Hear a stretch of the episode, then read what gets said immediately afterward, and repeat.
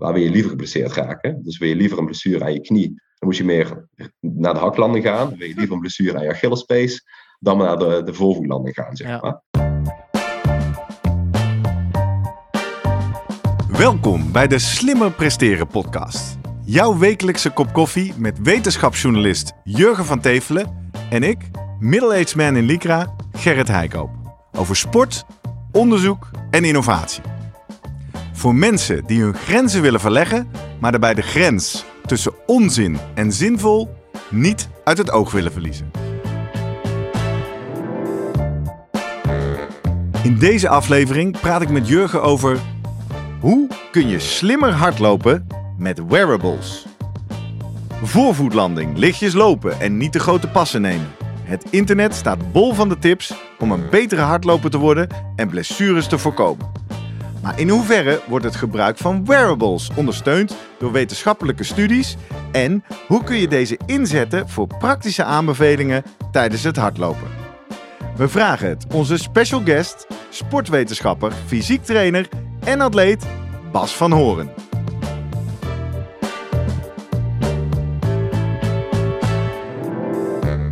Voordat we beginnen, nog even drie dingen om aan te denken als jij zelf ook slimmer wil presteren. Nummer 1. Druk nu gelijk even op abonneren, zodat je altijd direct in de gaten hebt wanneer er een nieuwe aflevering online komt. Nummer 2. Weet dat je Jurgen en mij ook kunt boeken voor jouw volgende bijeenkomst als spreker of presentator. Neem gerust eens contact met ons op via de contactgegevens hieronder. En 3. Deze podcast wordt geproduceerd en gesponsord door Live Online Events. Serieus goede content rondom jouw congres of event. Check www.loe.tv voor meer info. Jurgen, Hey, goedemorgen. Goedemorgen, Gerrit. Daar zijn we weer. Ja, Weer een aflevering met een bijzondere gast dit keer. Ja. We gaan weer een, eh, een, een bijzondere onderzoeker spreken zometeen. In dit geval Bas van Horen. Een hardloopwetenschapper, wiens naam al, eh, al bijna twee jaar denk ik op onze redactielijst Ja. staat. Voordat we hem, eh, nou hij is al bij ons. Bas, goedemorgen. Hey Bas. Goedemorgen. Fijn dat je er bent. Leuk dat je te gast bent in onze podcast. Eh, ik eh, heb een traditie dat ik dan even leun op Jurgen om jou even voor te laten stellen. Jurgen, wie is Bas van Horen? Bas is eh, collega-schrijver in Sportgericht. Het vakblad voor trainers en... Coaches. Ja. En daar lees ik met veel eh, liefde vaak zijn, zijn stukken die best wel eh, breed zijn. De ene keer eh, gaat het over blessures, de andere keer over eh, VO2 max. en of je dat bij een sporthorloge kan afleiden. Dan weer over motorisch leren. en in de, dus ja, ik weet een beetje wat Bas allemaal aan het doen is. Vrij breed georiënteerd. Aan de andere kant ben ik ook proefpersoon bij hem geweest. Ah. Namelijk, gaan we het ook nog wel over hebben. Voor onderzoek naar, naar blessures met speciale zooltjes. En eh, ja, vandaar dat we een beetje contact ook hebben gehad van, eh, over dat onderzoek. En eh, ik ben eigenlijk heel benieuwd hoe het er ook voor staat. Ja, ik zeg al bijna de zooltjes met sensoren. Want ik weet Ja. niet of, volgens mij hebben we het ook on-air daarover het gehad. We hebben het zeker off-air daar veel over. Je hebt ze hier liggen of niet? Ja, ik heb ze Dat meegenomen. Dat zijn deze zooltjes. Ja, het met, ziet eruit als een gewoon schoenzooltje Ja, met een elektrode eraan. Maar goed, daar zit wel wat elektronica natuurlijk in. Nou, zullen we daar gewoon mee aftrappen? Ja. Bas, wat heeft Jurgen hier op zijn schoot liggen? Wat gaat het meten en in het kader van welk onderzoek? Nou, dus in het kader van eh, een van mijn promotieonderzoeken. En eh, dat zijn de zooltjes die zijn ontwikkeld door uh, Atogear. De zooltjes zelf heten Arions, een bedrijf in Eindhoven. Ja. En eh, wat die zooltjes eigenlijk meten is gewoon druk. Met acht eh, druksensoren zitten in dat zooltje. En op de zijkant, dat is dat eh, eh, ja, witte dingetje wat eh, Jurgen Ja. in zijn handen heeft. Dat kun je op de zijkant van je schoen draaien. En daar zit eigenlijk een eh, ja, versnellingsmeter onder andere in, een gyroscoop, temperatuurmeter zit er ook nog in. Ehm, dat wordt gekoppeld aan een app. En met die app kun je dus, door dat te koppelen aan die zooltjes, eh, eigenlijk heel veel dingen meten tijdens het hardlopen. En wordt er ook real-time feedback gegeven op je looptechniek, als het ware. Dus wat we met het onderzoek ook willen doen, is gewoon kijken, ja, zijn, krijgen mensen die met die zooltjes lopen, krijgen die nou minder blessures en gaan die meer vooruit in hun sportprestatie of hardloopprestatie, dan mensen die ook met die zooltjes lopen, maar gewoon geen feedback krijgen op hun looppatroon. Aha, Ja. dus je doet specifiek onderzoek naar de feedback van de data of de meting. Dus niet zozeer het zooltje zelf. Ja, want het is inderdaad een vrij plat zooltje. Dit doet verder eh, niks aan de stand van je voeten of je benen. Het gaat erom als je feedback... En, en wat voor soort feedback kan de app mij dan geven? wat dan nu geïmplementeerd is eigenlijk binnen de app, daar zitten bepaalde algoritmes in die eigenlijk een schatting maken van hoe hoog is de belasting op bepaalde structuren in je lichaam. Mhm. Ehm, op basis van, ja, dat zijn invers dynamica algoritmes, heet dat eigenlijk, die ze in het bedrijf hebben ontwikkeld. En ook wat correlaties in de literatuur gerapporteerd zijn. Dus bijvoorbeeld als je een hele hoge paslengte hebt, of een heel grote paslengte, en een heel nadrukkelijke haklanding, dan weten we uit de literatuur dat je eigenlijk waarschijnlijk best wel een hoge belasting op je knie krijgt. Ja. En op die manier probeert je zooltje dat dus een beetje bij te sturen van oké, dan ga je wat, wat kortere paslengte bijvoorbeeld maken, dus je pasfrequentie wat verhogen, dan we de belasting op de knie een beetje omlaag proberen te krijgen. Ja, En hetzelfde als je, op je helemaal op je voorvoeten zou landen, heel erg veel nadrukkelijk, dat meet dat zooltje ook. Daar weten we ook weer uit de literatuur dat dat bijvoorbeeld je risico op Achillespeesblessures heel erg verhoogt. En daar gaat hij ook een beetje sturen naar een net wat ander looppatroon. Dus dat is eigenlijk heel simpel gezegd wat, uh, wat de zooltjes doen. Wat tof. En doet hij dat tijdens het lopen of, of doe ik dat als ik thuis kom en dan zegt de app tegen mij, nou, ik heb jouw loopjes bekeken, volgende keer probeer eens A, B of C? Nee, dat is dus wel het mooie aan dit product. Er zijn heel veel wearables op de markt die gewoon achteraf een soort van samenvatting geven. Ja, dit is je looptechniek geweest. Uh, en hier, uh, ja, zoek maar even wat je ermee moet doen. Mhm. En ja, bij dit soortje krijg je dus echt real-time tijdens het lopen feedback. Uh, op basis van, ja, er wordt een, een, soort van zone ingesteld waarin je dan moet zitten. En als je een, een, beetje buiten die zone komt, dan gaat hij eigenlijk feedback geven om je pasfrequentie te verhogen of te verlagen, om maar even een voorbeeld te geven. Ah, cool. Laten we eens even checken bij de proefpersoon. Ja. Jurgen, hoe is dit Ja, dat is interessant, want ik ben natuurlijk, uh, nou, dat, is, dat vind ik wel meteen een, een, mooie, een mooie haak hier, want ik ben zelf ook benieuwd hoe het onderzoek gaat. Ik uh, heb natuurlijk braaf inderdaad aangekondigd. Ik doe mee aan het onderzoek. Hebben ja, al, uh, je hebt je aangemeld. Ja. Uh, opgestuurd gekregen? Zoltjes op ze geïnstalleerd, een beetje gedoe gehad. Maar dat geeft al meteen aan van hoe lastig dit soort onderzoeken in het veld zullen zijn. Uh, de app te downloaden. Uh, ik ruik nou, er even aan, Bas. Volgens mij zit er nog niet zoveel zweet in, of wel? De, uiteindelijk is dat, uh, heb ik ze gebruikt, zeker, is het gelukt. Alleen ja, toen sloeg deels de fysieke malheur toe. Dat was deels blessures, deels ik kreeg last van mijn ogen natuurlijk. Ik kon, ik kon niet meer eigenlijk voldoen aan de voorwaarden die werden gesteld aan de proefpersonen. En die waren namelijk twee keer per week lopen, minimaal 12 kilometer totaal. En ik merkte gewoon, ja, op een gegeven moment lukte mij dat niet, omdat ik eh, eh, ja, misschien nog maar één keer per week of zelfs minder ging lopen. Ja, en, en dan krijg je het. Waar haalde ik toen mijn motivatie nog vandaan om proefpersoon te blijven? Dus daarmee is voor mij het onderzoek ook gestopt ergens. Ik heb in heb je toen die zultjes uit je schoenen gehaald? Ja.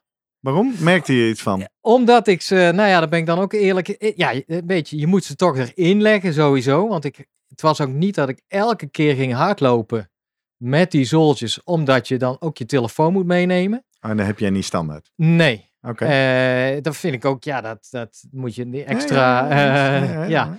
Nou ja, dan, dan merk je dus dat denk ik dat je. Ik, ik ben benieuwd, ben ik de enige die is afgehaakt op deze manier? Of zijn dit vaker de feedback die je krijgt van het aantal proefpersonen die uh, meedoen aan jouw studie? Van uh, met hoeveel mensen ben je begonnen en hoeveel doen er inmiddels nog mee aan de, aan de studie, uh, Bas? We zijn met zo'n 210 mensen begonnen aan het onderzoek. Um, er zijn afgehaakt. Alleen Jurgen afgehaakt. Uh, was het maar zo? Nou, helaas zijn er best wel wat uh, mensen afgehaakt. In eerste instantie omdat ze de app gewoon niet aan de praat kregen. Ja. En daarna inderdaad, uh, ja, er zijn ook wel mensen die het onderzoek wel hebben afgerond. Um, en ik weet niet van iedereen of ze dan nu nog door willen gaan met het soultje. Maar ik weet wel dat er mensen zijn die bijvoorbeeld een lat nog hebben gemeten. Daar kunnen we misschien zo nog over praten. Ja.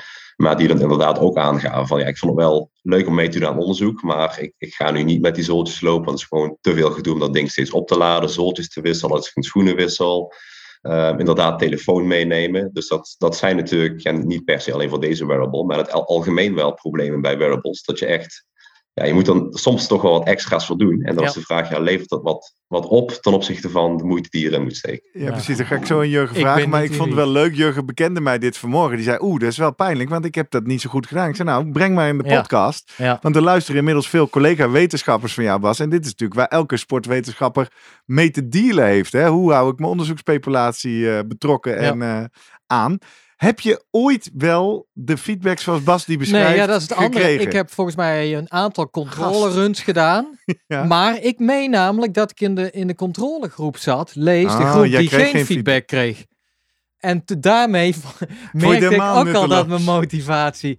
Want zo is het onderzoek opgeze- opgezet, denk ik, Bas. Je had een groep zonder feedback en eentje met feedback. Klopt dat? Precies, ja. Ah, dus iedereen oké. van die 210 mensen Ja. is gewoon gerandomiseerd in een van de twee Ja. groepen. En dan merkte ik, kwam ik thuis, heb ik natuurlijk de app meteen even gekeken. En hoe is mijn loopprofiel? Dan krijg je wat leuke getallen gezien. En je ziet inderdaad kleurtjes, een beetje eh, de druk van, van jouw, eh, jouw landing en afzet. Ja. Maar uiteindelijk denk ik, ja, eh, ik zou best wel die, ja, had ik maar in die experimentele groep gezeten. Ja, nou ja, dan kan je ook Jouw honger eh, is niet Ja. gestild. Bas, wat, wat is de status nu van dit onderzoek? Loopt het nog? Heb je al resultaten? Kun je ons al iets vertellen van je bevindingen? Nou, helaas nog niet. Het loopt nog omdat gewoon inderdaad sommige mensen wat later zijn begonnen. Ze die app in eerste instantie niet aan de praat kregen. Dus eh, we zijn eerst aan het wachten tot iedereen echt ehm, ja, klaar is met het onderzoek. En misschien dat we nog wat meer mensen gaan includeren, omdat er dus ook zoveel mensen gestopt zijn. zeggen, echt ik, wel- bedoel, Ja. ik, ik baal een beetje van de, de Ja. inzet van mijn collega podcasthost. Maar ik, wil- ik wil wel, Ja, toch? Ja, wie weet komt er een eh, tweede ronde binnenkort, Ja. waarin eh, weer mensen deel kunnen nemen. Dan kan je dan eh, alsnog deelnemen. Nou, laten wij die oproep hier ook eh, in de podcast doen. Hetzelfde zeiden wij bij eh, Peter Beek, eh, de zwemprofessor. En daar kregen we allerlei aanmeldingen. En toen dacht ik opeens, oh, maar zo concreet was Peter niet. Maar jij bent wel heel concreet. Dus eh, laten we bij deze afspreken. Als jij proefpersonen zoekt, eh, gebruik ons als kanaal en onze social media en onze mailinglijst. Dan gaan wij eh, onder onze luisteraars eh, proefpersonen Ja. werven. Ik wil Leuk. zeker. Maar goed, zover is het nu dus nog niet. Laten we dan eens vragen, wat, wat, wat wil je testen, Bas? Wat, wat, wa- welke hypothese heet dat dan? Hè? Ga je valideren? Nou, zijn er eigenlijk twee hoofduitkomstmaten die we eigenlijk gaan onderzoeken. En nog één bijkomstige zaak. En dan nog wel een paar andere trouwens. Maar de hoofduitkomst is eigenlijk gewoon blessures. Dus krijgen mensen, ehm als we dat zo van normaliseren, naar hoeveel tijd ze hebben gelopen ook. Dus krijgen mensen in de controlegroep per tijdsunit of per afstand die ze afleggen meer blessures dan de mensen in de, controle, of in de interventiegroep. Ja. Dat is dus de hoofduitkomstmaat. En we kijken ook nog naar ehm, de efficiëntie. En dat meten we voor een subgroepje van 40 mensen. Die zijn voorafgaand aan een onderzoek naar een lab gekomen bij ons. Hebben ze ook 3D-bewegingsanalyse gekregen of ondergaan als het ware. En tegelijkertijd met de gasmasker op. Ja, hebben jullie in de podcast eh, wat vaker eh, toegelicht. Ja. Dus inspanningstest als het ware. Ja. En gekeken naar hun eh, zogenaamde running economy op verschillende snelheden. En daar gaan we dus ook kijken, ja, gaan die mensen nou vooruit op basis van de feedback die die app geeft? Of ja, is daar misschien helemaal geen verandering in? Of misschien zelfs een achteruitgang als je aan techniek gaat zitten sleutelen? Dus dat is wat we Ja, als tweede uitkomstmaat dus je wil ze eigenlijk daadwerkelijk ook efficiënter laten lopen door middel van die feedback. En dan is er op de een of andere manier, zeg jij, ja, als jij ook efficiënter loopt, dan zal ook het risico op blessures daarmee afnemen. Nee, het zijn twee verschillende uitkomsten. Of, ja, of zijn er twee, of, ja, Ja. is er een link tussen die twee voor jou wel? Of beschouw je dat als twee verschillende...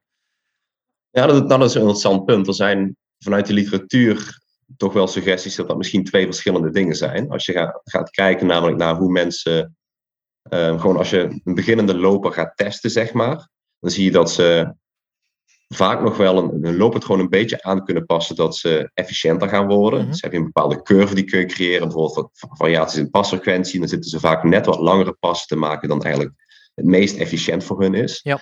Ehm, dan zie je bij beter getrainde lopers dat ze dat vaak wel al ja, heel dicht bij die optimale, optimale punt zitten, als het ware. Maar je kan je voorstellen, het lichaam kan dat redelijk goed dus inschatten. Wat is eigenlijk een beetje optimaal op een soort van acuut tijdspunt. Maar zo'n blessure, dat is iets wat niet heel acuut optreedt. En dus waarschijnlijk ook niet iets wat het lichaam heel effectief kan optimaliseren. En dat is dus waarschijnlijk een proces wat in die zin ook niet helemaal parallel loopt aan efficiëntie. Ja. Ehm, ik verwacht overigens wel dat op de lange termijn iets wat efficiënt is ook relatief weinig blessuregevoelig is. Eh, maar het zijn niet per se dezelfde processen. Razend interessant. Balen dat we je eigenlijk dan toch, ondanks dat we twee jaar hebben gewacht om je uit te nodigen, eh, nog net iets te vroeg zijn eh, voor de, de uitkomsten van dit onderzoek. Je refereerde net aan, ik doe dit ook bij de landmacht. Misschien kan ik daar zo nog iets over vertellen. Wat wil je daarover vertellen? Nee, bij lab bedoelde ik. Sorry, Oh, dat was een dus een lab. labonderzoek. Oh, eh, ja. ik, stond, ik denk, Ja. nou, eh, misschien een of andere Special Forces. Ja. eh, Maar nu, eh, geweest. ja, we hebben het over blessures. En eh, nou ja, we hebben het ook in vorige podcast wel eens, denk met eh, Mariska van Sprundel ja, bijvoorbeeld over haar boek gehad. over blessures voorkomen. Heel veel studies geweest, eh, gedaan. Naar, en ja, voor mij is het altijd samenvattend. Ja, of voorvoet, haklanding. Nou ja, een paar risi- eh, risicofactoren eh, lichaamsgewicht. Zwaar, ja, zware lopers hebben een groter risico op. Uh, de andere is eenmaal een zwak punt of een blessure, ja, dan een dikke kans dat hij daar dan weer terugkomt. Toch zeg jij eigenlijk van, nou, het zit toch wel misschien wel wat subtieler, want inderdaad, haklanding en correlatie met, met knieproblemen en voorvoetlanding en misschien Achillespees. Hoe hard zijn voor jou eigenlijk die, uh, die bewijzen, de evidence daarvoor? Ja, er zijn natuurlijk inderdaad, zoals je aangeeft, heel veel onderzoeken gedaan in de literatuur naar relatie tussen looptechniek en loopblessures. En inderdaad, wat het probleem vaak is, dat gewoon heel ja, tegenstrijdige resultaten zijn. En dat komt waarschijnlijk onder andere doordat als je gewoon gaat kijken naar, dat heet die spatiotemporele parameters eigenlijk, dus contacttijd, paslengte, pasfrequentie, dat dat niet een hele sterke relatie heeft met de belasting op structuur. Dus hoeveel belasting krijg je op je Achillespees of op je knieën of op je schenen, et cetera. Ehm, en dat is dus ja, ook iets waar ik dus ook weer in het lab naar ben aan het kijken, echt die interne belasting uh, bekijken. Ehm, maar ja, en, en het andere probleem is erbij, het verschilt natuurlijk per blessures en per blessure. En als je veel van die onderzoekjes hebt gedaan, ja, dan zijn misschien 60 mensen hebben dan deelgenomen of 100 mensen. En dan kan je blij zijn als je misschien 20 blessures hebt, maar dan heb je misschien twee daarvan zijn een Achillespees blessure. Ja. het is natuurlijk heel moeilijk om daar een relatie te vinden tussen hoe lopen die mensen en krijgen ze een Achillespees blessure. Ja, en dat hangt populatie te klein. Ja, precies. Wat, wat, zijn eigenlijk de meest voorkomende hardloopblessures uh, die, die, die, vanuit de literatuur? De meest voorkomende die op één staat is patellofemorale pijnknachten eigenlijk. Dus een beetje achter je knieschijf eigenlijk. Dus een beetje de, ja, je zou het heel simpel kunnen omschrijven als het, het, het, botsen van, de, van je bovenbeen op de knieschijf, als het ware. Dus de, de compressie die daartussen staat. Ja. Um, dat is de meest voorkomende klacht. En dan ja, het verschilt dan een beetje per onderzoek. Maar Achillespeesklachten zijn ook een heel veel voorkomende klacht, die dan vaak op twee staat. Uh, scheenbeenklachten, ook vaak twee, nummer drie. Dan heb je ja, toch wel de meest voorkomende klachten. Ja, en er zijn natuurlijk nog wat andere klachten aan de voet en de heup, et cetera. En als ik jou dus net heel goed aandachtig beluister over spatiotemporele, wat een fantastische term, maar oftewel looptechniek, hè, de manier waarop je loopt, zeg je, er is niet, in ieder geval wetenschappelijk nog niet, een directe link aan te wijzen tussen looptechniek en die blessures. Maar dan ga ik denken, weten we dan überhaupt, jij noemt net de risicofactor uh, gewicht, lichaamsgewicht, zijn er nog andere van dit soort factoren die, die verklarend zijn voor dit soort blessures?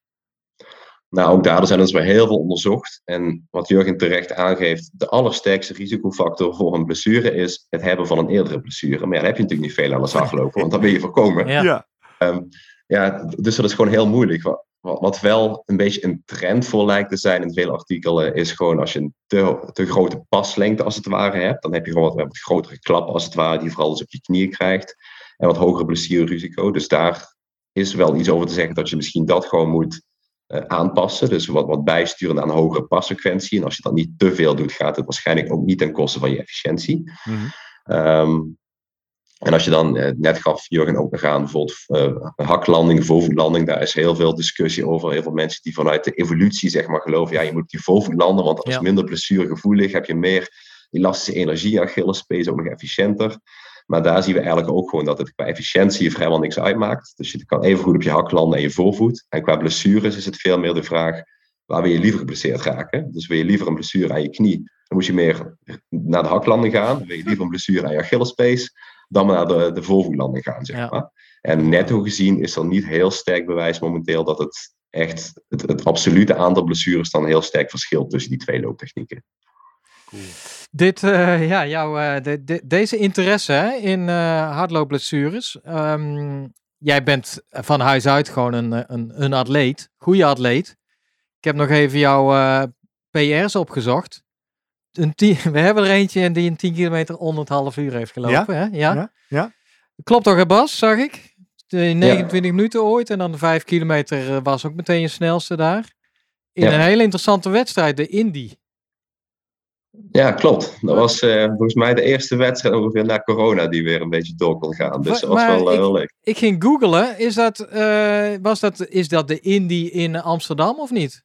Of is dat een... Ja. Ja. ja. Waarbij... Nou ja, dan moet je even uitleggen. Wat is dit? Wat nou is ja, interessant aan? Nou ja, laat Bas maar vertellen. Zoals ik het las was het een hele, niet een normale wedstrijd, toch? Nee, het was ja, volgens mij gewoon opgezet door iemand, ik weet trouwens niet wie, maar het idee was gewoon inderdaad om een groep echt topatleten bij elkaar te krijgen. Volgens mij was het idee eerst namelijk dat er een NK 10 kilometer zou zijn. Maar dat was afgelast. En toen hebben de, die organisatoren van de wedstrijd besloten van die indie run dan. Nou weet je wat, we doen gewoon een alternatieve wedstrijd. En dan eigenlijk door een, uh, ja, door een park waar er gewoon uh, redelijk vlak is. één keer een heuveltje over. En gewoon uh, knallen aan snelle tijd. En verder ja, nauwelijks recreanten die meededen. Gewoon echt twee best wel sterke heats, zeg maar. Dus de groepen, volgens mij was groep 1 misschien moest je onder de 34 minuten hebben gelopen om deel te kunnen nemen. Groep 2 onder de 40, ik zeg maar eventjes wat. Um, dus het was wel uh, ja, een heel sterk veld eigenlijk waar de start stond. Dus dat was wel, uh, wel ja, een mooie wedstrijd. Ja, cool. Ja. En wanneer was het voor ja, ja, na corona? Dus dan de eerste keer? Ja, februari die was dat. In ieder geval voor mij was het... ja, er zijn wat crossjes geweest, maar de eerste wegwedstrijd voor mij was het. Maar nou komt natuurlijk de vraag. blessures, ken jij ze ook als begenadigd hardloper? ja, ik, ik heb bij workshops die ik zelf geef zo'n plaatje van mezelf. Waar ik dan heb ingetekend uh, waar ik een blessure heb gehad in rood. En dan is eigenlijk uh, alle twee de benen zijn ongeveer helemaal rood gekleurd. Serieus? Ja? Dus dat uh, geeft wel aan welke blessures ik heb gehad. Dus ik, ik zeg altijd, of ik denk me altijd zo, voor mijn loopprestatie is dat uiteraard niet echt voordelig geweest. Maar ik probeer het positief in te zien. En voor mijn hardlopen of voor mijn, zeg maar, mijn wetenschappelijke carrière is het wel iets wat positief. in de zin dat ik gewoon die ervaring mee kan nemen. Ja. Vaak zelf uitgezocht, wat blijkt nou uit de literatuur optimaal te zijn om van die blessure weer af te komen. En dat toe gaan passen. Kijken, ja, klopt dat wel in de praktijk? Of misschien ervaar je dingen in de praktijk waar je dan weer gaat denken, ja, hoe zit dat nou wetenschappelijk? Dus in die zin is het wel leuk om daarmee bezig te zijn, maar ik had het natuurlijk liever niet gehad. Ja, maar is, zit daar een drijfveer voor jou achter? Want uh, ik, uh, op jouw website, jij, jij, doet, jij geeft workshops, je doet onderzoek. Jij uh, bent trainer, je bent sport- of hardloopconsultant volgens mij. Um, is het inderdaad iets waarvan je erachter komt, hey, de wetenschap schiet hier nog te kort of er, er is onvoldoende eigenlijk uh, studies die, ik, uh, die vertaald kunnen worden naar uh, de praktijk van de hardloper. Dat je daar, daardoor iets hebt van, voor, voor, je promotieonderzoek nu met name, die zegt, ja, dit is het onderwerp wat gewoon goed uitgezocht moet worden, want ja, hier profiteren alle lopers uiteindelijk van. Telt dat mee voor je? Ja, absoluut. Dus, dus natuurlijk een stukje, eh, ik denk in eerste instantie begonnen met eigen motivatie en misschien ook frustratie met bepaalde blessures. Maar ik vind het ook gewoon leuk om echt andere mensen daarin mee te helpen. Toch veel mensen die dan wel hier en daar een keer naar me toe komen van ja, ik heb deze blessure en dan orthopeed geweest die zegt kan, ik mag nooit meer sporten. Terwijl ik dan denk, ja, het staat gewoon nergens op. En dan als je gewoon deze en deze oefeningen doet, weet wel uit die literatuur dat je ja, daar waarschijnlijk toch wel bovenop kan komen. Dus dat vind ik wel ook wel leuk, zeg maar, om op die manier ja, mensen mee te kunnen helpen. Uh, maar ja, ook in, inderdaad, ik zie ook gewoon zelf de beperkingen, zeker in de literatuur. Dus daarom vind ik het gewoon leuk om bijvoorbeeld met zo'n draagbare technologie te kijken. Ja, hoe kunnen we daar nog mensen verder mee helpen om echt blessures te voorkomen en prestaties te verbeteren? Omdat ja, veel mensen natuurlijk tegenwoordig steeds meer alleen gaan sporten en geen coach meer hebben die daarbij kan sturen. Ja, want in het verleden, wat jij zegt, was, was een coach vaak. Uh, ja, het middel, de manier om mensen nou ja, eh, anders te laten lopen. Of in ieder geval te wijzen op een, een andere loopstijl. En daardoor uh, ja, misschien blessurevrij te leren lopen. Of, uh, en nu zeg je, ja, nu moeten we gewoon profiteren van het feit dat die wearables steeds beter, slimmer, uh, goedkoper waarschijnlijk ook worden. Daar zie jij echt wel mogelijkheden in? Ja, absoluut. Dus ik denk wat mij heel interessant lijkt gewoon, is, is twee zaken eigenlijk kunnen inschatten met zo'n wearable. En dat is namelijk de mechanische belasting op het lichaam en de, laat ik zeggen, fysiologische of, of ja, metabole belasting op het lichaam. En met die metabole belasting bedoel ik dan bijvoorbeeld zaken zoals hoeveel energie verbruik je of simpelweg wat is je hartslag. Dus in welke zone moet je nou trainen, deze training en de volgende training. En mechanische belasting gaat dan voor mij, eh, voor mij meer over wat is op, bij deze training op dit moment de hoeveelheid schade die er aan je Achillespees is opgetreden of aan je knie. En dat je daar ook weer bij kunt sturen van als je dan heel veel data hebt verzameld en je, je, weet dan bij deze grens is het zeer waarschijnlijk dat er een blessure gaat optreden, dan kun je het gaan bijsturen om te zeggen oké, eh, we weten dat voor Achillespees uh, de schade bijvoorbeeld dat dat hoger wordt hoe sneller je gaat lopen. Of als je meer door zand gaat lopen, dat je meer op je voorvoet landt. Dat je dan zo'n ding een beetje bij kunt sturen. En dat kan gewoon in real time eigenlijk gedaan worden. En dat vind ik dus gewoon ja, interessant om daar naartoe te werken in de toekomst. Dat je echt in real-time mensen advies kunt geven over hoe hard en waarom. Dus vanuit een prestatie-oogpunt, maar ook vanuit een blessure-oogpunt. Ja, dus jij denkt dat in de toekomst, hè, nu heeft Jurgen nog gedoe met zoltjes en opladen, maar uh, deze techniek zit straks gewoon in de volgende generatie slimme schoenen. Nou, dat zou me niet verbazen inderdaad. Er zijn natuurlijk wel nog heel veel problemen bij dat die zaken die vaak nu nog gemeten worden, ja, niet heel sterk relateren aan efficiëntie of blessures. En ook niet heel nauwkeurig gemeten kunnen worden. Dus dat zijn eerst zaken die zeker opgelost moeten worden. Maar ja, ik ben er dus ook zelf met, met mijn eigen onderzoek mee bezig om dat nauwkeurig te kunnen meten. Bijvoorbeeld die interne belasting en schade op bepaalde structuren. En als we dat dus kunnen, ja, dan is het een volgende stap om dat gewoon bij heel veel mensen te meten. Dan ja, helaas in eerste instantie nog kijken wanneer krijgen ze een blessure. Ja. Maar als we dat genoeg, ja, genoeg mensen weten, dan weten we dus ook oké, bij, bij welke opbouw van een belasting of bij welke grens van uh, schade krijg je dus echt een blessure en moet je dus gaan bijsturen met zo'n app. Ho ho, wacht even. Eerst even dit.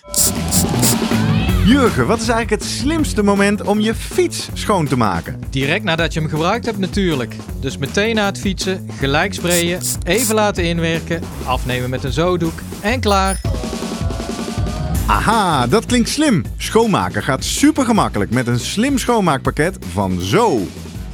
100% natuurlijk, vegan en zonder verspilling. Vanaf nu ook verkrijgbaar via onze slimmer presteren webshop of via zoschoon.nl. De truc is niet schoonmaken, maar schoon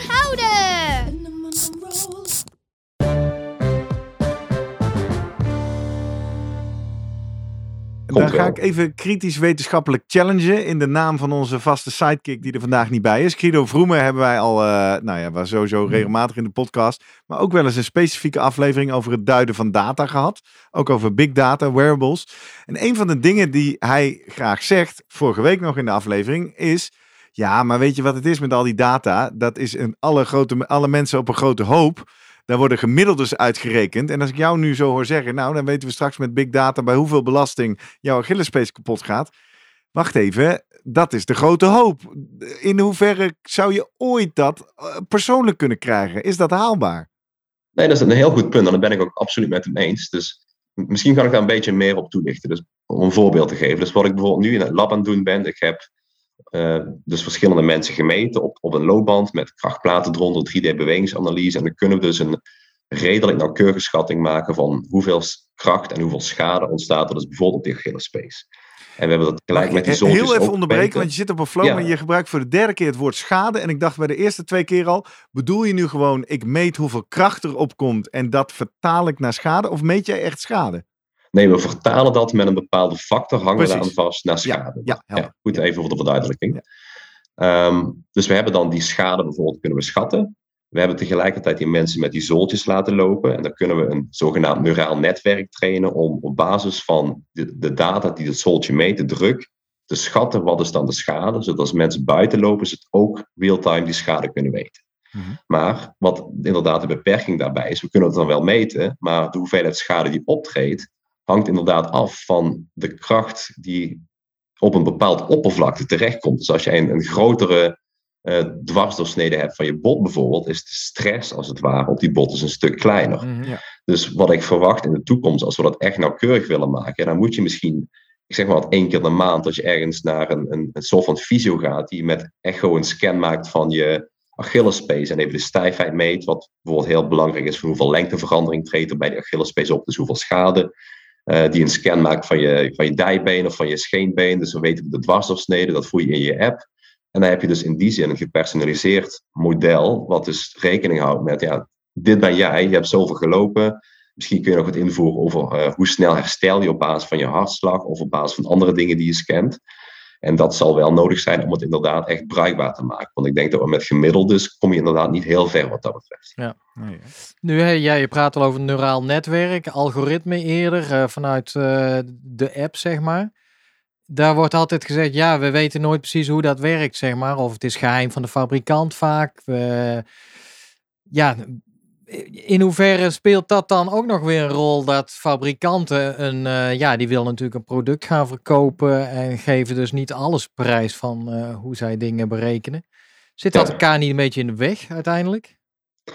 Ja, dat is ook wel de discussie die ik natuurlijk vaak met het bedrijf heb. Ik ben een wetenschapper, dus ik, ik heb zoiets, ik wil alles wat ik publiceer en iedere keuze daarachter wil ik gewoon eh, ergens opschrijven en toegankelijk maken, zodat de toekomst daar ook mee aan de slag kan en kan controleren van, ja, zijn we het daarmee eens?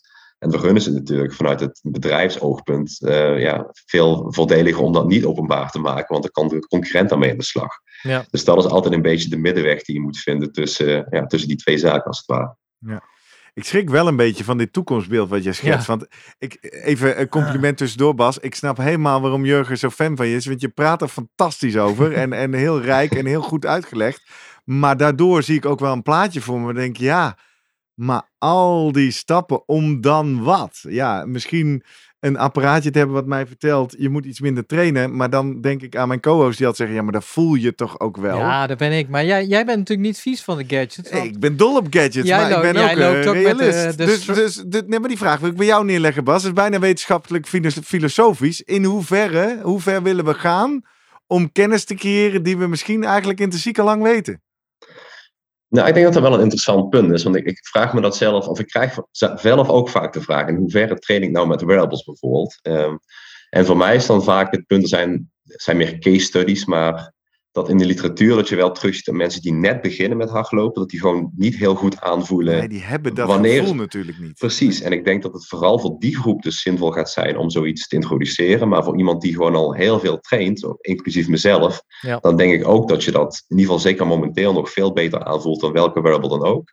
Wellicht dat het over twintig jaar dat ze iets bij kunnen dragen, weet ik niet. Maar uh, helemaal vervangen voor een heel goed getrainde loper, Weet ik niet, maar ik denk wel een combinatie van zo'n objectieve en subjectieve metingen dat is toch ook wel de consensus uit de literatuur, dat dat vaak beter is dan alleen een objectieve of alleen een subjectieve ja. meting. Mooi, ja, je hebt mijn brein verrijkt. Want inderdaad, ik zit dat meteen toe te passen op de loopcommunity die ik al ken. Denk ja, weet ik al. Maar inderdaad, dit, dit, gaat helemaal terug naar onze eerste aflevering, waarin wij zeggen, joh, een vermogensmeter op de fiets heb je niet nodig, want dat voel je aan. Ja, dat klopt. Als je een paar duizenden kilometers gefietst hebt, ja. Maar als je net begint. Dus dit is inderdaad wel interessant als we het dan toch hebben in deze podcast over beweegarmoede en de hele eh, mensheid aan sporten krijgen. En dan inderdaad niet blessure, niet meteen blessure. En die er toch al veel uh, op hun telefoon zitten. Ja. Nou, je telefoon kun je ook daarvoor... Gadget. Uh, ja. Ja, ja, ja. er zijn wel leuke case studies bijvoorbeeld. Eentje met, met hardlopers. Hebben ze volgens mij één iemand of zo gemeten die echt net begon. En dan gezegd, ga maar eens echt een zware inspanning doen hardlopen. Ja, dat dan die persoon dus gevraagd met zo'n RPE-schaal. Ja. ja, voelt mhm. het zwaar? Ja, voelt heel zwaar aan. Hartslag gemeten. Ja, dat was dan een, een soort van gemiddeld zware hartslag. Dus dat geeft een beetje aan dat er niet altijd zo'n perfecte match is bij mensen die net beginnen. Tussen wat is nou echt zwaar? Mooi. Subjectief en objectief echt zwaar voor iemand. En andersom kan natuurlijk inzicht. ook. En daar kan gevoel dan inderdaad bij helpen. Vind ik dan altijd wel, dat maakt ons dan wel dommer. Maar ja, aan de andere kant, ooit lazen we allemaal de kaart en wisten we precies waar we waren in het land. En nu zeggen we gewoon Google Maps, waar is het blauwe stipje? En uh, laten we ons leiden door de techniek. Ja, maar ik vind, uh, ik vind dit wel interessant. Want het gevoel inderdaad, hoe vaak voel je toch niet een pijntje opkomen, ook bij mezelf. Ja. En dan loop ik er toch mee door. En, nu zou de app dan tegen jou zeggen. Ja, en, en, dan ben ik benieuwd hoe dan inderdaad hoe dat dan gaat. Dan krijg je toch die waarschuwing van die app. Dat nee, je die krijg je niet, want je bent controlegroep. ja, precies. maar dat ik dan in gesprek ga bijna van, hmm, moet ik nou luisteren, ja of nee? Nou ja, ik voel dat toch beter aan. Want dat is toch nog steeds, ook ervaren lopers krijgen blessures. Bas, eh, volgens mij uh, ben jij ook een tijdje even uit de running, as we speak. Ja, klopt. Dus, en precies met dat idee dus. Je voelt iets kleins en dat gaat 9 van de 10 keer gaat dat goed. Dan denk je, ja, ik loop nog een dagje door en dan trekt het weer weg. Ja. En in dit geval was het dus gewoon uh, dat het niet wegtrok en alleen maar meer werd. En ja, dan kan het dus hopelijk inderdaad in de toekomst wel zinvol zijn om dan een app te hebben die objectief zegt van ja, je hebt al zoveel trainingen op deze snelheid of wat dan ook gedaan. Dus zoveel schade op die structuur opgelopen. Doe misschien maar eens een eh, paar dagen rustig aan of een dagje rustig aan. Ja. Gewoon geen intervaltrainingen. En ik hoop dat we daar in de toekomst naartoe kunnen gaan. Ja, als een, vroeg, en dan een, vroege waarschuwing. Eigen ervaring. Ik train natuurlijk nu met Guido met de HRV voor Training app. Ik moet je bekennen, die zei mij gisteren in het rood: limit your intensity today. Maar ik heb toch gewoon gedaan wat de trainer zei. Sorry Guido, als je dit hoort. Dus er zijn natuurlijk een hele hoop factoren die ons gedrag beïnvloeden. Dus, uh, maar uh, welke je net naar luistert. Ik wil even een brug slaan. Want dit onderzoek is fascinerend. Maar we moeten hier nog een keer terugbellen, begrijp ik. Om de, de uitslagen te horen. Ja. Jij uh, hebt op dit moment oortjes in je oren. En zo kwamen we erop. luister je wel eens naar de Slimme Presteren podcast. En toen zei je ja, want ik ben nu geblesseerd. Daardoor wist Jurgen dat. En daardoor luister ik nu podcast. Toen dacht ik, hé, hey, dat is grappig. Want ik luister juist podcast als ik ga hardlopen. En nou heb jij daar onderzoek naar gedaan. En dan noemen we maar even koptelefoon een wearable. Vertel eens ons iets meer. Wat heb je uitgezocht? Nou, we hebben gewoon uh, gekeken als we mensen met muziek laten lopen. Dus eerst een pasfrequentie meten. En als die pasfrequentie even in mijn hoofd onder de 170 stappen per minuut was, misschien nog lager zelfs, hebben we tegen die mensen gezegd: Oké, dan mag je een onderzoek meedoen. Want we weten dat als je echt zo'n lage pasfrequentie hebt, dat dat toch wel een ja, risicofactor is voor verschillende blessures. En je waarschijnlijk onder je optimale efficiënte pasfrequentie zit, als het ware. Dus twee redenen om ja, die pasfrequentie wat te gaan verhogen. En hebben dan gekeken, ja, kunnen we dat gewoon met lopen met muziek nou verhogen? Dus als we gewoon dan een muziekritme opzetten, wat bijvoorbeeld 170 of 180 stappen per minuut is, met instructie van ga op die beat van de muziek lopen, gaan mensen dan inderdaad ja, die pasfrequentie verhogen. En? Ja. En inderdaad, dan zien we terug dat de mensen ja, vrijwel direct, als ze met muziek gaan lopen, meteen die eerste trainingssessie die pasfrequentie verhogen. Dat ze er ook meerdere trainingssessies vasthouden als ze lopen met muziek. En ook als ze daarna weer worden getest zonder lopen met muziek, houden ze nog steeds die pasfrequentie vast. En wat ik nou ook wel interessant vond daarbij, is dat de hartslag niet is toegenomen en de snelheid ook niet. Dus mensen kunnen gewoon op dezelfde snelheid blijven lopen. Het gaat niet ten koste van die metabole belasting. Nee. Maar de mechanische belasting op de knie wordt dus waarschijnlijk wel lager. En dat is dus vanuit een blessure-oogpunt waarschijnlijk voordelig. En je hebt, wat ik hoor in je onderzoek of in je interventie, niet alleen muziek gegeven, maar ook een instructie. Heb je toevallig nog een controlegroep gehad die je alleen muziek gaf en geen instructie? Of, of is dat geen doel van je onderzoek? Dat hebben we inderdaad hier niet gedaan. Dat hebben we wel als, als beperking nadrukkelijk genoemd. Dus dat is voor ons ook de vraag. Als mensen inderdaad niet die instructie krijgen en ze gaan gewoon wel een beetje met muziek lopen, wat natuurlijk de mensen standaard doen, ja, heeft het dan ook zijn effect? En dat, ja, ik durf het niet te zeggen. Ik weet het niet. niet maar even puur praktisch. Die, die muziek die is dan uh, geselecteerd op pak een beetje 180 uh, bpm of zo? Ja. Ja. En uh, hadden dan de proefpersonen nog keus in de muziek? Want ik kan me ook voorstellen dat sommige deuntjes ze verschrikkelijk vinden en andere weer lekkere muziek. Mochten ze wel ja. uh, een soort database waaruit ze hun favoriete muziek met die bepaalde BPM konden halen? Dat hebben we besproken, maar dat was uh, met de tijd die we toen hadden helaas niet haalbaar. Dus het was inderdaad voor sommige mensen misschien wat minder leuke muziek, voor andere mensen wat leukere muziek. Maar dat is op zich iets wat je natuurlijk wel makkelijk zelf zou kunnen doen. Dat je gewoon een lijstje maakt en dan wat leukere nummers erin zet. Ja, en nu is natuurlijk de vraag, want jij, hoe lang hebben ze uh, dit programma gevolgd? Zij, uh... um, volgens mij was het niet zo lang hoor. Iets van zeven weken of zo. Maar het verschilt een beetje. Ja, dat is een randomized baseline design heet ja. dat. Dus iedere proefpersoon heeft een andere duur van iedere fase, zeg maar. En ultiem is natuurlijk, deze mensen blijf je volgen om te zien, A, of ze inderdaad die hogere cadans uh, blijven volgen, hè, blijven gebruiken. Ja. En B, denk ik, of zij minder blessures gaan krijgen of het risico op blessures verlaagt. Precies, en dat, dat eerste punt hebben we dus een paar weken gedaan en dan zagen we niet echt een heel duidelijke trend dat, dat, dat die cadans terugging naar het beginniveau, zeg maar. Dus ik denk, en er zijn wat andere onderzoeken die wat langer termijn hebben onderzocht, een paar maanden, dat dat redelijk stabiel zal blijven. Uh, blessures is wel interessant, hè? want we hadden niet heel veel mensen, volgens mij zeven mensen. Het is een heel klein onderzoekje maar, maar gedaan. Maar we zagen wel dat een van de mensen gestopt is vanwege een kuitblessure. Hmm. Dus dat geeft toch weer aan, als je inderdaad wat gaat veranderen aan de looptechniek. En je denkt, ja, dit is een bepaalde risicofactor. Dus inderdaad, zo'n te, te, lage passequentie is een risicofactor voor knieblessures waarschijnlijk. Maar als je dat dus gaat verhogen, misschien wel meer voorvoetlanden, heb je dus weer kans op kuitblessures. En dat zie je bij andere onderzoeken dus ook weer een beetje terug, dat die trend een beetje terugkomt. Ja, want als ik terugdenk aan het gesprek wat wij met jouw collega hardloopwetenschapper uh, uh, Wouter Hoogkamer hadden, die vertelde bij ons in de podcast, joh, het lichaam zoekt zijn eigen favoriete frequentie. Tegelijkertijd hoor ik jou nu zeggen, uh, nou Jurgen zegt het, maar jij bevestigt het richting die 180. Ik heb ook wel eens gelezen dat het ook wel een soort fabel dat je per se cadans 180 moet lopen. Jij zei dat ook niet op Bas, jij zei onder de 170 is echt te groot. Kun je ons nog iets meer vertellen over deze hele dynamiek rondom cadans? Want uh, ik heb het idee dat mensen zich soms dwingen tot een cadans terwijl dat niet hoeft. Nee, dat is wel een heel goed punt. Dus dat, dat getal 180 komt eigenlijk van een coach die Jack Daniels heet. Die heeft gewoon een keer wat mensen in een competitie zitten tellen van wat is nou de pasfrequentie. En dan zie je inderdaad als bij, bij topatleten, als die boven de 20 per uur lopen, dat het minimaal 180 passen per minuut is. Ja. En op basis daarvan komt dan vaak de richtlijn, ja, dat moet iedereen dus gaan doen. Ja. Maar dat slaat natuurlijk nergens op als je op 10 per uur bent aan het lopen, om dan met 180 eh, passen per minuut te lopen. Misschien om daarmee te beginnen.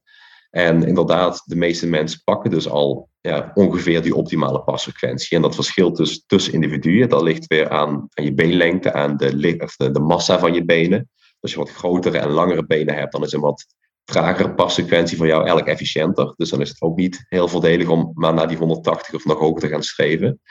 Ehm, ja, er is dus geen één ideaal getal van iedereen moet 180 lopen. Ja. Maar je ziet dus wel in de meeste onderzoeken dat de meeste, zeker beginnende atleten, die zitten vaak wat meer aan de langere kant. Dus net wat te lange paslengte, overstriding als het ware. Dus als je daar wat een toename laat ja, krijgen in paslengte, dat dat misschien voordelig kan zijn qua efficiëntie. En misschien nog een keer qua verminderd blessurerisico. Exact. Want dit, ik, ik, herken, ik herken dit wel als tip vanuit de looptrainingen. Hè? Ja. Verhoog je pasfrequentie Ja. maar wat. Ja. Maar we moeten dus oppassen met de algemene wijsheid eh, dat het naar die 180 moet. Ja.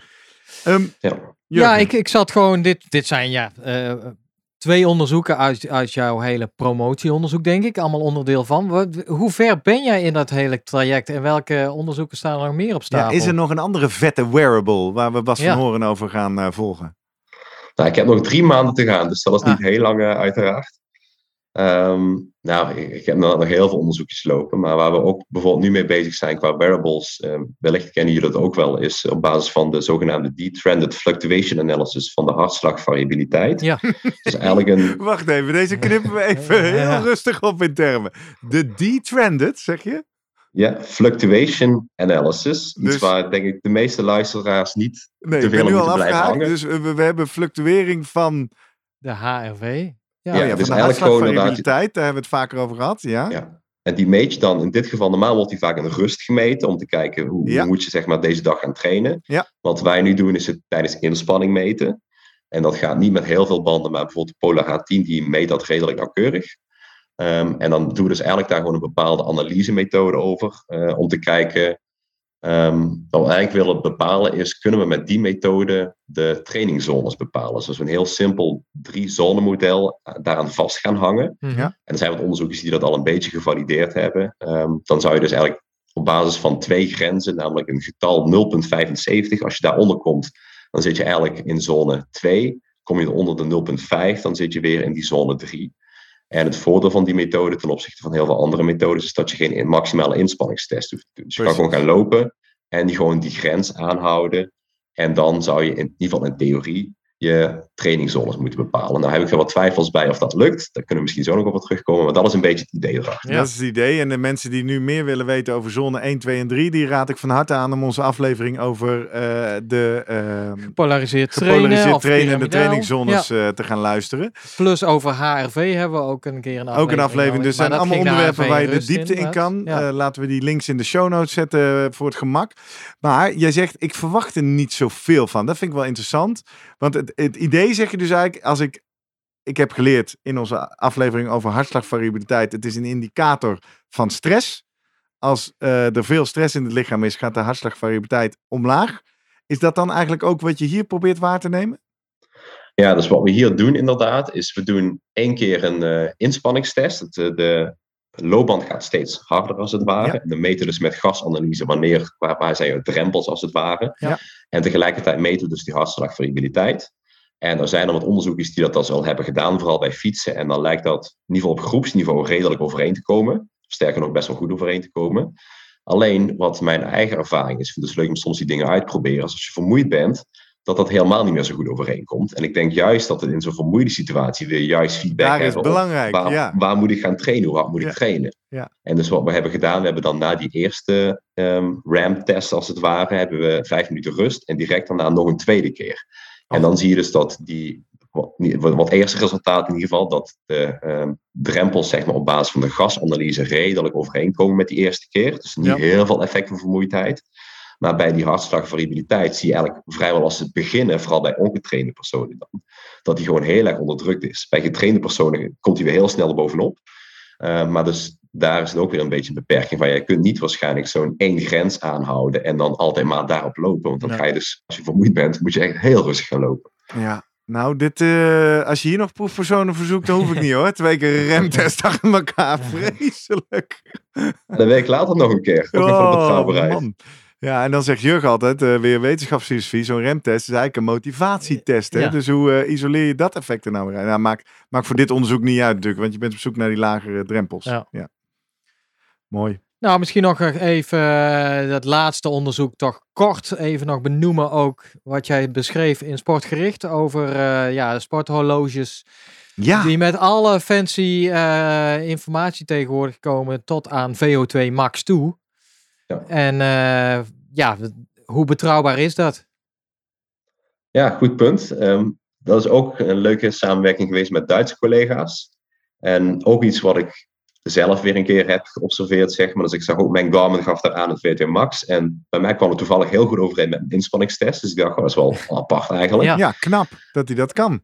Ja, precies. Dus we dachten, ja, laten we dat gewoon een keer goed gaan uitzoeken. Echt wat mensen in het lab meten en dan ook twee keer meten, dat we echt zeker weten dat we de V2 Max hebben. En ook daar weer twee RAMS-protocollen zeg maar, achter elkaar, dat we echt de V2 Max hebben. Ehm, dus het echte gouden standaard. En dan tussendoor mensen laten lopen met die wearable, een beetje intervaltraining ook nog tussendoor doen, op basis van de richtlijnen die de fabrikant geeft. En dan gewoon vergelijken, nou, hoe ver komt die V2 Max, die wordt geschat op basis van die Garmin horloge in dit geval, overeen met wat we een lab meten. En dan zag je, ik weet even niet met exacte getallen, maar op groepsniveau dat het best wel redelijk overeenkwam. En dat zie je bij veel onderzoeken terug. Maar als je dan op individueel niveau gaat kijken, dat er best nog wel een flinke afwijking in kan zitten. Dus ja, ook daar het is vooral de vraag, wat wil je ermee gaan doen? En daar zitten we heel veel andere beperkingen natuurlijk aan. Maar dat eh, kunnen we of zo bespreken of een andere keer. Ja, nee, Ja. helder, helder. Maar dit, ik moet eraan denken, we hebben dit in de aflevering over inspanningstesten ook met Guido besproken. En die zegt ook dit, hè. Gemiddeld klopt het wel. Ja. Maar een van de dingen waar die Garmin geen idee van heeft, is je eh, loopeconomie. En als je die net wat anders is dan gemiddeld, dan klopt die waarde al niet meer.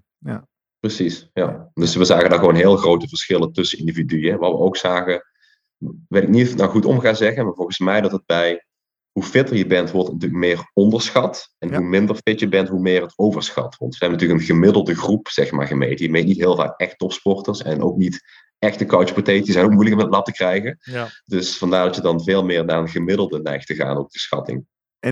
Weet jij toevallig, en ik kan me voorstellen dat je dit niet weet, want niet, omdat het niet bekend is, maar weet jij of bijvoorbeeld Garmin, die bij jou en bij mij en inmiddels bij Jurgen van Tevelen dat allemaal meet, of die daar een soort zelflerend algoritme hebben liggen, zodat het wel beter zou worden, of niet? Nee, want je kan natuurlijk niet cross-valideren.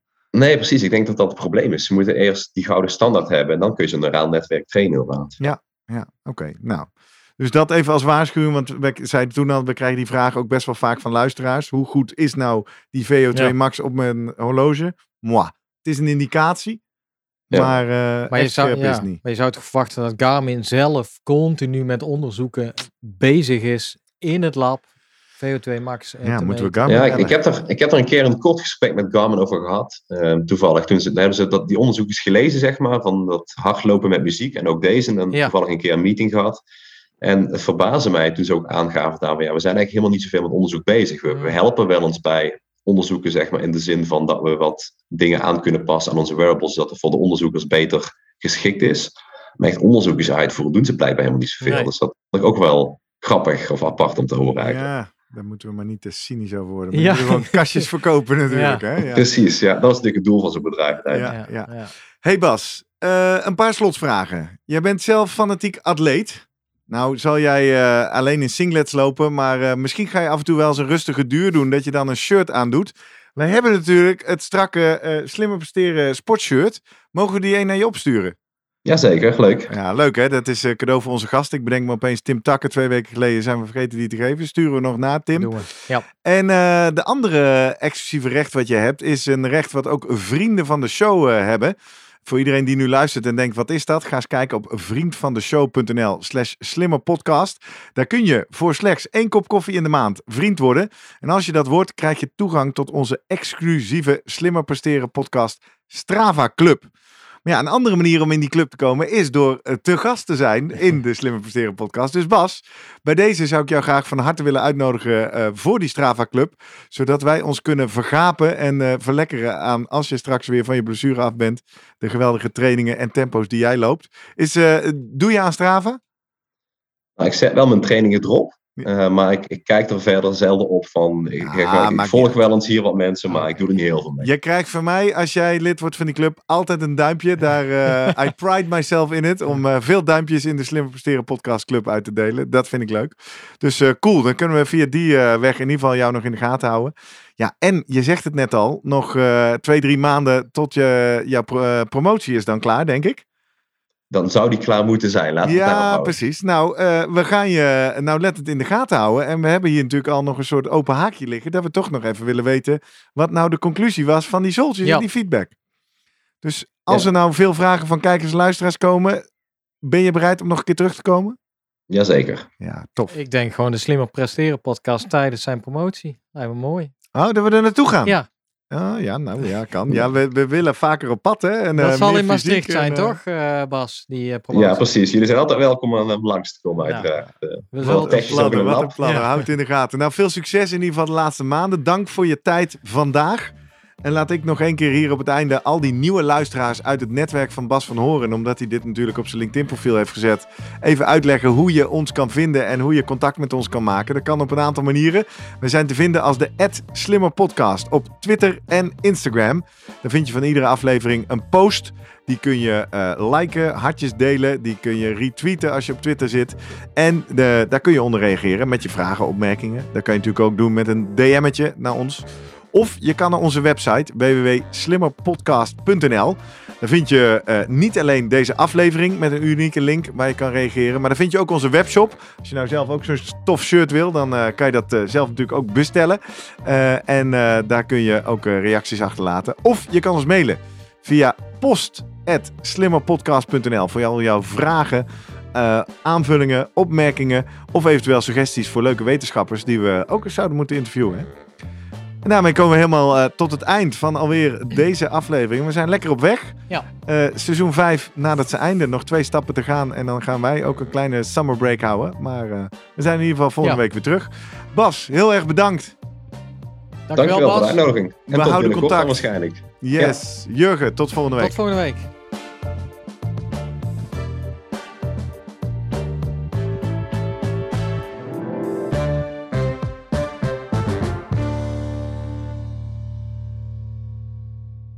Nog even goed om te weten. Wij ontvangen zowel financiële als materiële ondersteuning van een aantal commerciële partners. Deze partners hebben op geen enkele wijze invloed op de inhoud van onze podcast.